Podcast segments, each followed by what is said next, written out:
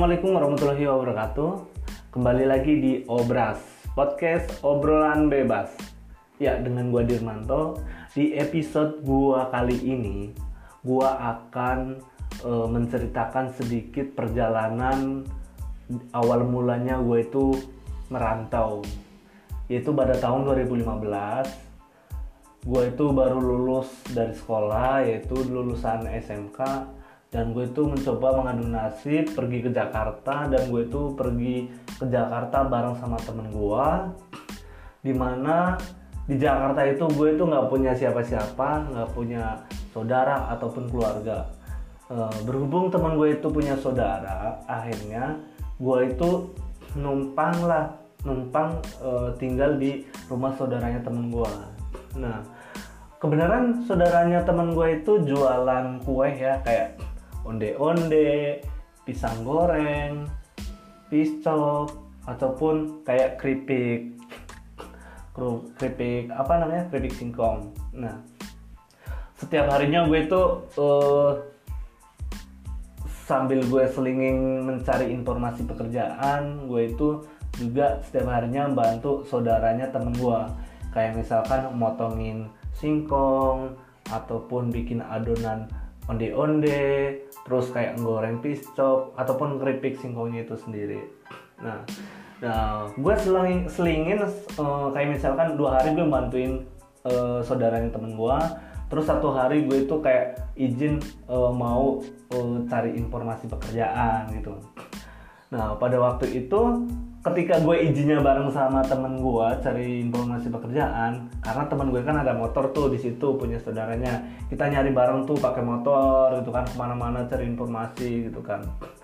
Nah setelah itu eh, dapatlah informasi pekerjaan waktu itu. Eh, kayak apa ada eh, brosur atau lembaran kertas yang ditempel di pinggir jalan terus di tembok-tembok tiang listrik gitu. Kan ada tuh dibutuhkan uh, misalkan kayak office boy terus kayak uh, sales apa gitulah. Di situ ada keterangannya. Uh, terus ada tata cara uh, pendaftarannya suruh telepon ataupun SMS kayak menyebutkan nama lengkap uh, terus alamat tinggal pekerjaan yang dilamar terus tinggi badan gitu kan. Nah pada waktu itu adalah kejadian yang sangat sangat berkesan sih menurut gua. Karena uh, setelah dapat informasi itu di lembaran itu gue coba tuh sama temen gue coba untuk uh, apply lamaran by SMS gitu kan. Di situ ada caranya kita masukin tuh nama lengkap tinggi badan berat badan alamat dan posisi jabatan yang ingin gua lamar waktu itu. Pada waktu itu udahlah uh, gua sama temen gue itu barengan dapat SMS balasan itu bahwa dapat uh, undangan interview untuk seleksi uh, ke tahap selanjutnya gitu kan. Udahlah waktu itu. Setelah itu uh, kita uh, coba mendatangi alamat tersebut sama temen gue kebenaran uh, waktu itu uh, sepupunya temen gue juga ada tuh di Jakarta kan baru lulus juga. Akhirnya kita bertiga nih naik busway ini kita naik busway ke daerah kalau nggak salah daerah Jakarta Utara deket Mangga Dua Square. Nah setelah kita sampai di sana uh, banyak tuh yang ngantri ternyata bukan gue doang gitu kan. Uh, sampai di atas udahlah satu-satu masuk. Nah diwawancarai. Setelah diwawancarai uh, sampai selesai akhirnya kita di mintain duit kayak uh, alasannya buat medical check up atau buat administrasi. Sedangkan kita belum tahu kita itu lolos atau enggak gitu kan. Terus kita bilang e, nggak bawa duit nggak bawa duit banyak. Oke kalau enggak kalau misalkan ditungguin hari ini e, nanti balik lagi ke sini bisa nggak gitu kan? E, eh, DP berapa aja. Di situlah kita mulai kayak bingung gitu. Ini beneran nggak sih? Jangan-jangan bohong ini. Ntar udah bayar taunya uh, ini cuma embel-embel penipuan aja gitu kan. Akhirnya kita rembukan tuh bertiga. Uh, kalian sama nggak? Tadi dimintain duit untuk biaya ini kayak medical check up atau apa. Kita kan baru ngelamar belum dinyatakan uh, lolos atau enggaknya. Terus uh, sama ternyata temen gue itu juga dimintain duit tapi alasannya bukan untuk medical check up tapi kayak buat DP jaminan gitulah nanti kalau misalkan nggak lolos nanti dibalikin gitu. Nah kita curiga di situ kan waktu itu. Kita rembukin bertiga akhirnya uh, kita sepakat uh, jangan uh, ngasih uang dulu. Kita pura-pura balik mau ngambil duit nanti balik lagi ke situ gitu kan. Nah sampai di rumah sekitaran uh, jam berapa ya? Udah sore sih waktu itu. Sampai di rumah diteleponin mas jadi ke sini nggak nganterin duit? Gitu kan. Kayak dia itu nggak yang ngejar-ngejar kita untuk bayar gitu. Sedangkan kalau dipikir secara logika gue itu yang nyari kerja. Seharusnya gue yang kayak ya udahlah kalau emang prosedurnya seperti itu biar diterima atau gimana gue otomatis kalau misalkan ada persyaratan yang kurang kita itu mengejar-ngejar untuk ngumpulin persyaratan itu. Tapi ini kebalik. Dia yang ngejar-ngejar untuk biaya ini kayak mas gimana? Jadi ke sini enggak gitu kan. Mas gimana? Ini udah ditungguin kok gak datang datang gitu. Marah-marah gitu kan. Di situlah uh, kecurigaan kita bener-bener uh, final. Akhirnya kita wah ini nggak bener nih kayaknya ini penipuan. Akhirnya setelah kita telusurin dan kita cari di internet modus-modus penipuan ternyata itu adalah salah satu modus penipuan yang ada di internet gitu. Akhirnya udahlah uh, kita nggak nggak respon lagi. Akhirnya yaudah kita blokir nomornya udah di situ. Nah itu perjalanan waktu kita bertiga ngelamar kerjaan itu. Ada lain kesempatan gue itu sama temen gue melamar pekerjaan di PT Indorma Indomaret. Ya itu Indomaret nama PT-nya itu PT Indomarko Prismatama kalau nggak salah. Nah gue itu melamar pekerjaan di situ di daerah Gunung Sindur tepatnya. Gue naik motor sama temen gue. Nah pas uh, datang gue itu berhubung itu kuotanya satu hari itu 40 orang. Uh, absen pertama 40 orang yang lebih dari 40 orang sisanya besok suruh datang lagi gitu. Nah setelah itu uh, gue datang tuh nyampe sana sekitar jam 5 atau setengah 6 mana pagi banget pagi buta. Itu udah antri rame banget. Nah pas uh, antrian gue itu kebenaran gue antrian ke uh, berapa ya? 40 kalau nggak salah deh. Kayaknya 40-an atau 4 uh, eh, iya 40 nah temen gue tuh di nomor antrian 41 nah udah ketir-ketir dong. Suruh balik lagi. Ternyata pas mau balik lagi bingung nih. Ah gue nomor 40 dia 41 nggak enak dong gue ikut uh, apa wawancara uh, ikut seleksi tapi dari maksudnya gini gue itu datang bareng-bareng Uh, tapi gue dapat nomor 40 dia nomor 41 otomatis kan yang dari 40 ke atas kan suruh apa besok lagi datang ke situ kan. Gue nggak enak nih antara gue lanjutin atau enggak gitu kan karena kita datang bareng-bareng. Nah teman gue bilang e, ya udah nggak apa-apa. Gimana nih? Terus gue bilang yaudah uh, lu balik aja deh ntar gue gampang transportasi gue naik ojek ya naik apa. Gue gaya banget dong padahal gue nggak tahu alamat gitu kan. Tapi dengan yakinnya temen gue ya udah lo beneran. Iya udah ntar gue naik angkot banyak angkot katanya di sini gitu kan. Ya udahlah. Pas temen gue udah mau balik ternyata securitynya bilang jangan pulang dulu mas. Uh, kita mau absen dulu perlengkapan dari persyaratan uh, seleksi ini gitu kan. Akhirnya temen gue nggak jadi pulang dulu tuh uh, sama securitynya di dibacain untuk perlengkapannya. Jadi kayak misalkan untuk calon pelamar yang tidak atau yang persyaratannya kurang diharap datang lagi besok harinya. Walaupun nomor antrian yang anda dapat itu nomor di uh, 1 sampai 40 nomor urutan 1 sampai 40 gitu kan. Dan untuk yang uh, nomor antrian 40 ke atas jika antriannya masih ada kuota dan yang antrian 1 sampai 40 ternyata gugur maka e, bisa mengisi kuota tersebut akhirnya dibacain tuh untuk persyaratannya kayak uh, eh, KTP, surat domisili, pakaian baju berwarna putih, terus uh, celana bahan berwarna hitam gitu kan. Terus ada tuh temen temen bukan temen saya sih intinya yang barengan saya datang itu ada yang persyaratannya kurang. Jadi uh, kebenaran dia urutan nomor 39 pas banget di depan gue dong 39 40 41 nya temen gue nomor 3 39 nya itu ada yang kurang persyaratannya akhirnya suruh datang lagi besok. Setelah itu gue untuk ngisi kuota di nomor 39 dan di 41 maju ke nomor 40 yaitu teman gue akhirnya kita bisa uh, uh, psikotes bareng ya maksudnya uh, ya seleksi bareng gitu. Setelah uh, seleksi bareng udah tuh kita psikotes uh, psikotes selesai lolos dan akhirnya sampai tahap wawancara. Nah temen gue juga sama sampai ke tahap wawancara. Setelah tahap wawancara ternyata uh, informasinya seperti ini.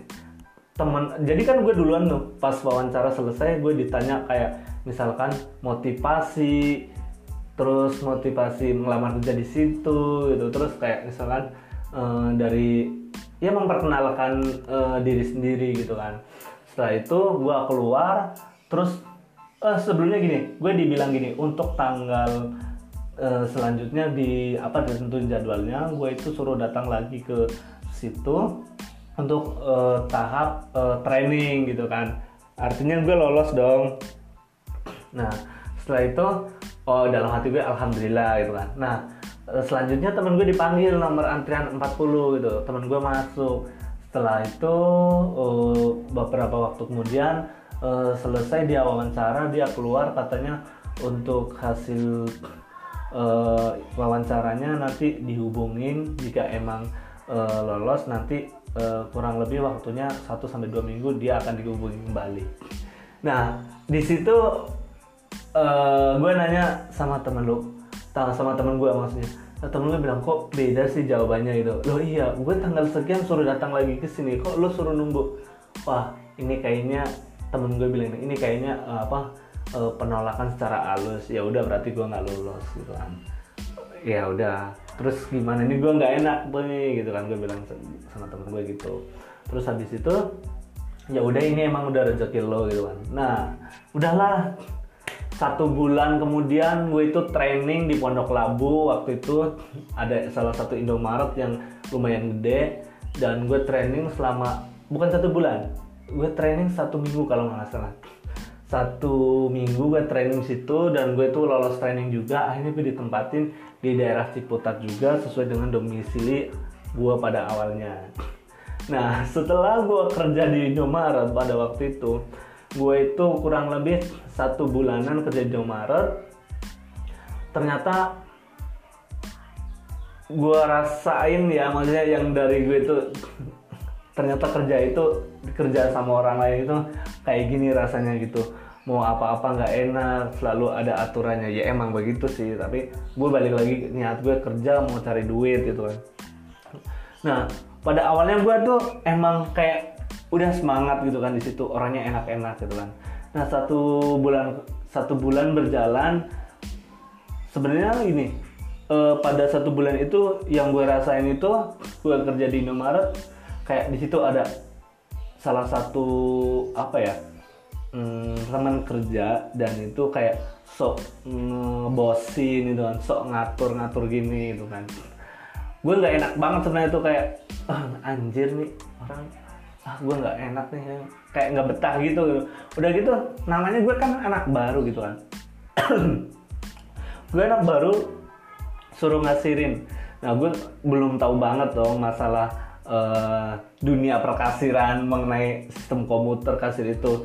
Ya tadinya sih emang di training tapi kan uh, waktu training sama di dunia nyatanya kan pasti berbeda gitu kan. Menghadapi customer juga pasti ada groginya. Nah gue itu ada tuh ngelayanin customer gue uh, belanja banyak kan. Set set set gue masukin semuanya transaksi selesai gitu. Ternyata ada ada kesalahan yang gue input gitu kan. Akhirnya gue manggil sama uh, kasir senior gue tolong dong mbak uh, apa jangan pergi dulu maksudnya uh, ajarin gue sampai selesai gitu kan. Nah udah tuh ditungguin diajarin satu persatu gitu kan. Udah tuh pas waktu itu kebenaran kasirnya itu lagi hamil. Dan kebenaran yang masuk di toko itu cuma berdua doang. Antrian panjang tuh. Nah gue ngasirin belum lancar. Dia banting-banting barang dong. Kayak apa namanya apa keranjang belanjaan dilempar tebruk gitu. Kayak ngambek atau gimana gitu. Ya mau gimana lagi gue namanya juga anak baru gitu kan. Nggak seharusnya dia juga kayak gitu. Akhirnya gue mulai nggak betah dulu di situ dari mulai kasir gue yang cewek itu udah mela- apa kelihatan nggak sukanya sama gue karena gue belum lancar ngasirin. Terus ada temen kerja gue yang di situ cowok itu kayak sok ngebosin gitu. Akhirnya gue satu bulan di situ pas gue gajian gue langsung keluar dari Indomaret gue izin sama supervisornya. Eh, dan gue ditanya super alasannya apa kamu resign gitu kan. Eh, gue nggak bilang eh, nggak betah atau gimana itu gue cuma oh saya pulang kampung pak itu ada urusan keluarga yang nggak bisa ditinggalin gitu kan. Akhirnya satu hari beberapa hari kemudian gue nggak balik lagi situ. Akhirnya gue diteleponin mulu sama supervisor. Dan akhirnya karena keseringan dia nanyain nelponin mulu akhirnya gue blokir nomor teleponnya. Udah menghilang begitu saja. Nah itu cerita di Indomaret. Nah satu bulan kemudian gue keluar dari Indomaret. Gue ngerasain namanya yang dari nol cari kerjaan lagi. Gue nyari kerjaan. Kayak misalkan eh, kan teman gue itu nggak ada yang tahu gue resign dari Indomaret kan. Karena gue takut ketika teman-teman gue itu tahu gue resign dari Indomaret pasti kan eh, informasinya menyebar ke kampung gitu kan ke keluarga gue gue nggak nggak mau keluarga gue itu kayak kepikiran gue itu nggak kerja di sana makan apa gitu kan. Sedangkan pada waktu itu gue kerja di Indomaret gue itu tempat tinggalnya udah eh, nggak di tempat saudaranya temen gue gue udah dapet kosan baru gitu kan. Akhirnya gue resign dari Indomaret mereka nggak ada yang tahu. Nah gue nyari kerjaan eh gue kan nggak ada nggak ada motor ya nggak ada kendaraan waktu itu. Gue itu nggak naik angkot nggak naik transportasi karena gue takut nyasar itu aja Ya, takut nyasar gitu. Akhirnya gue nyari sambil jalan kaki. Gue dari Masjid Agung Ciputat gue jalan kaki sampai ke Gandaria City hanya untuk cari informasi pekerjaan. Jalan kaki jalan kaki bolak-balik. Sampai gue itu berangkat pagi pulang sampai rumah sekitar jam 9an kalau nggak salah. Itu kehujanan waktu itu. Buset bener-bener dramatis banget itu. Gila kaki gue pegel banget. Kehujanan udah malam. Aduh rasanya kayak takut gitu kan. Aduh gimana ini gitu kan. Aduh nggak tahu lagi nih mau gimana. Ya udah jalan kaki sampai sampai sampai kosan sampai jam 9 malam tuh. Nah udah tuh nggak dapat eh, nggak dapat info sama sekali mengenai informasi pekerjaan. Udahlah setelah itu gue coba eh, besoknya gue naik angkot. Naik angkot bolak balik ke mana gitu. Gue coba ingetin gue nanya nanya sama eh, supirnya gue coba memberanikan diri gitu kan. Habis itu alhamdulillah gue inget ini jalannya ke sini ini jalannya ke sana naiknya angkot ini nanti lanjut lagi angkot ini gitu kan.